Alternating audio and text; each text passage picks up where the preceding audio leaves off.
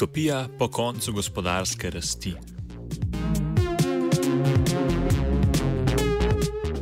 Skupina slovenskih znanstvenikov se je pridružila skupnemu javnemu pismu Združenih družboslovcev in naravoslovcev iz vseh 28 članic Evropske unije z naslovom Evropa, čas je, da prenehamo biti odvisni od rasti. Gre za javni poziv, objavljen pred vse Evropsko konferenco o tako imenovani post-rasti v Bruslju, ki jo organizirajo sindikati, okoljevarstvene organizacije, organizacije za alternativno ekonomijo in skupina evroposlancev iz različnih poslanskih skupin.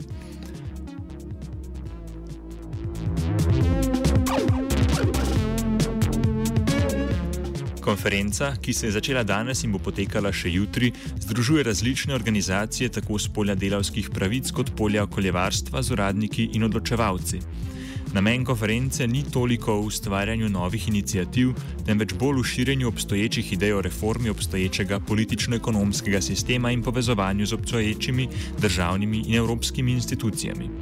Več pojasni podpisnica in prevajalka peticije Aida Pistotnik, sicer raziskovalka pri skupini Ena Banda. Uh, ja, mislim, dogodek um, je v bistvu konferenca, kot si sama rekel, kjer so v bistvu predlagane neke spremembe, torej, ki ne bi vključevali tudi omejitve, recimo rabe verov, progresivno obdavčenje za omejevanje na razseočenje enakosti, ter pa recimo postopno krajšanje delovnega časa, torej gre za različne vsebinske polici predloge, torej eni so bolj okoljevarstveni, nekateri v bistvu so bolj družbeni oziroma naslavljajo družbeno neenakost in recimo tretji se bolj ukvarjajo z recimo nekimi delovnimi procesi, delovnim okoljem in delovci.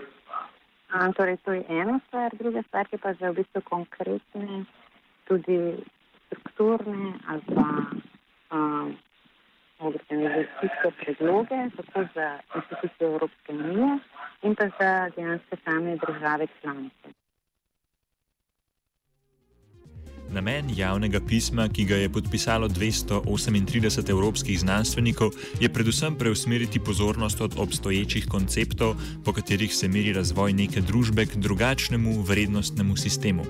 Podpisniki tako pozivajo, da naj države raje kot povečano produktivnost začnejo sledovati cilje družbene blaginje, dostopa do bivanja, dostojnega življenja in okoljevarstva.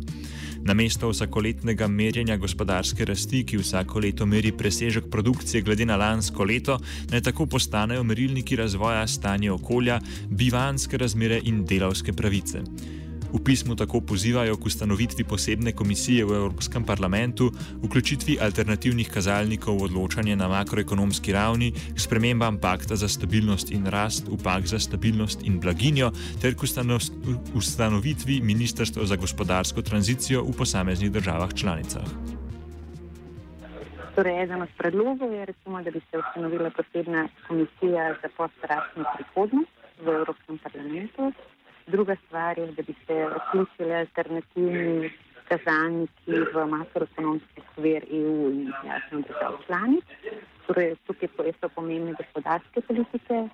Uh, in tretja je, da bi se spremenil v bistvu fakt za stabilnost in rast, torej ta kartica SZP, bi se spremenila v pakt za stabilnost in blaginjo. Torej, to bi bil nek nov sklop pravil, od katerih cilj pa je v bistvu, um, je v bistvu nek dokument, no, rečemo, da je to dokument, um, ki bi revidiral, da bi v bistvu države članice poskrbeli za neke svoje temeljne potrebe svojih državljanov ne, in s tem hkrati tudi zmanjšale porabo verov in pa emisij, pač recimo odpadkov ne, in da bi bilo to nekako zelo trajnostno naravnano. In četrti predlog je pa ključno namenjen recimo državam članicam, ne, da bi se ustanovili ministrstvo za gospodarstvo za tranzicijo, torej to bi bila neka nova oblika ekonomije, ki bi se pač predvsem osredotočila na neposredno blaginjo za ljudi in okolje, ki bi potem načeloma omogočila mnogo boljšo prihodnost, kot jo pač trenutna ekonomija ki je odvisna od gospodarske rasti. Zagovorniki postrasti razlikujejo ta koncept od zelene rasti in vzdržne gospodarske rasti. S tem pozivajo k spremembi evropskih politik, utemeljenih na konkurenčnosti in profitu, v ekonomske politike, ki bi sledile zagotavljanju splošne blaginje. Kaj postrast pomeni, pojasni Pistotnik.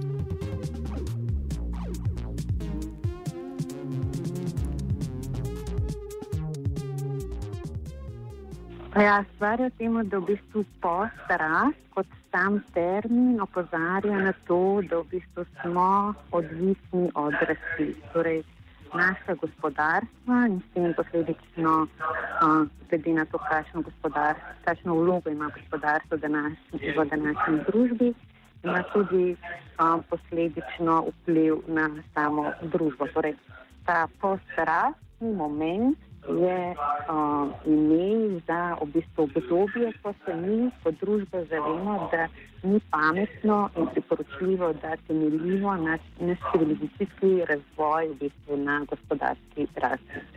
Ampak da so v bistvu vključene tudi druge, drugi premisi. Tako da v bistvu lahko ja, rečemo, da je to.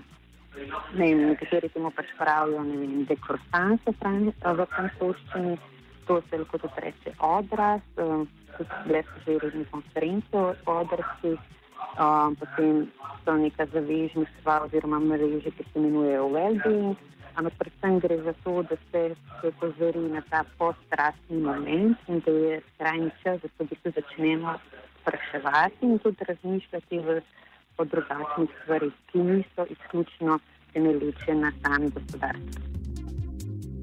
Postrast je širok koncept, ki nima stroge teoretske definicije, temveč služi kot splošni pojem za ohlapno združevanje številnih posameznih inicijativ, ki ne zasledujejo profitnega interesa, temveč dobrobit lokalnega in širšega okolja.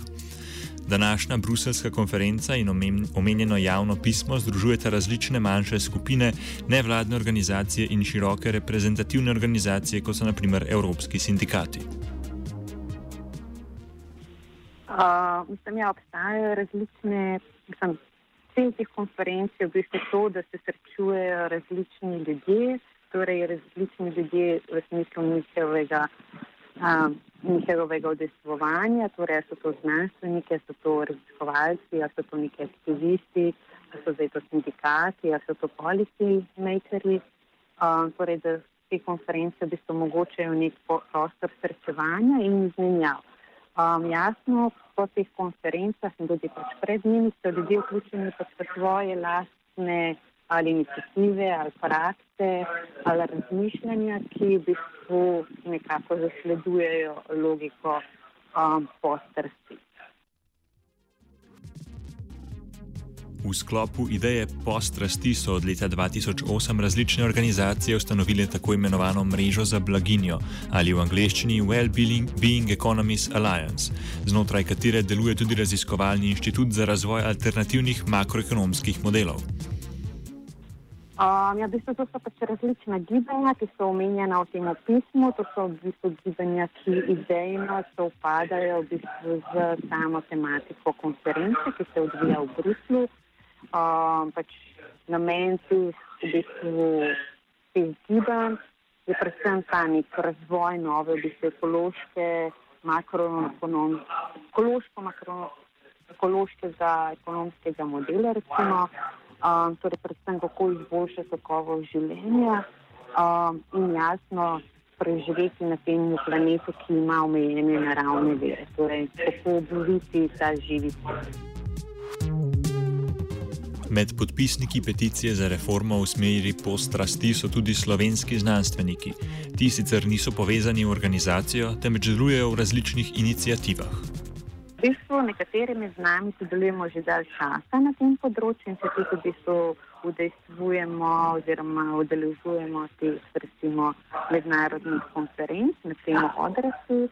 Nekateri smo tudi um, organizirali konferenco v Budimpešti 2016, nekateri se odrežujejo drugače, torej tudi letos bo išla ČKZ revija na to temo, torej bo posvečen vsebinski blok na temo odrasti.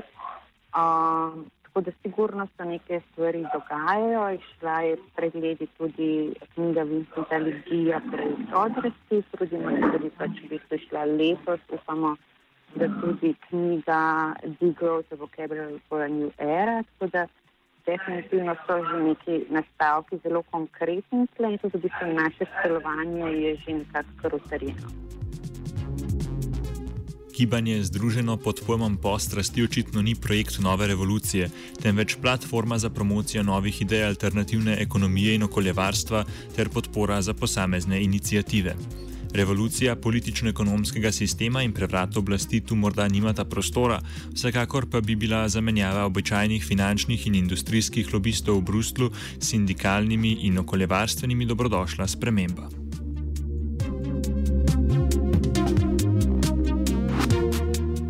Offside je pripravil Jošt.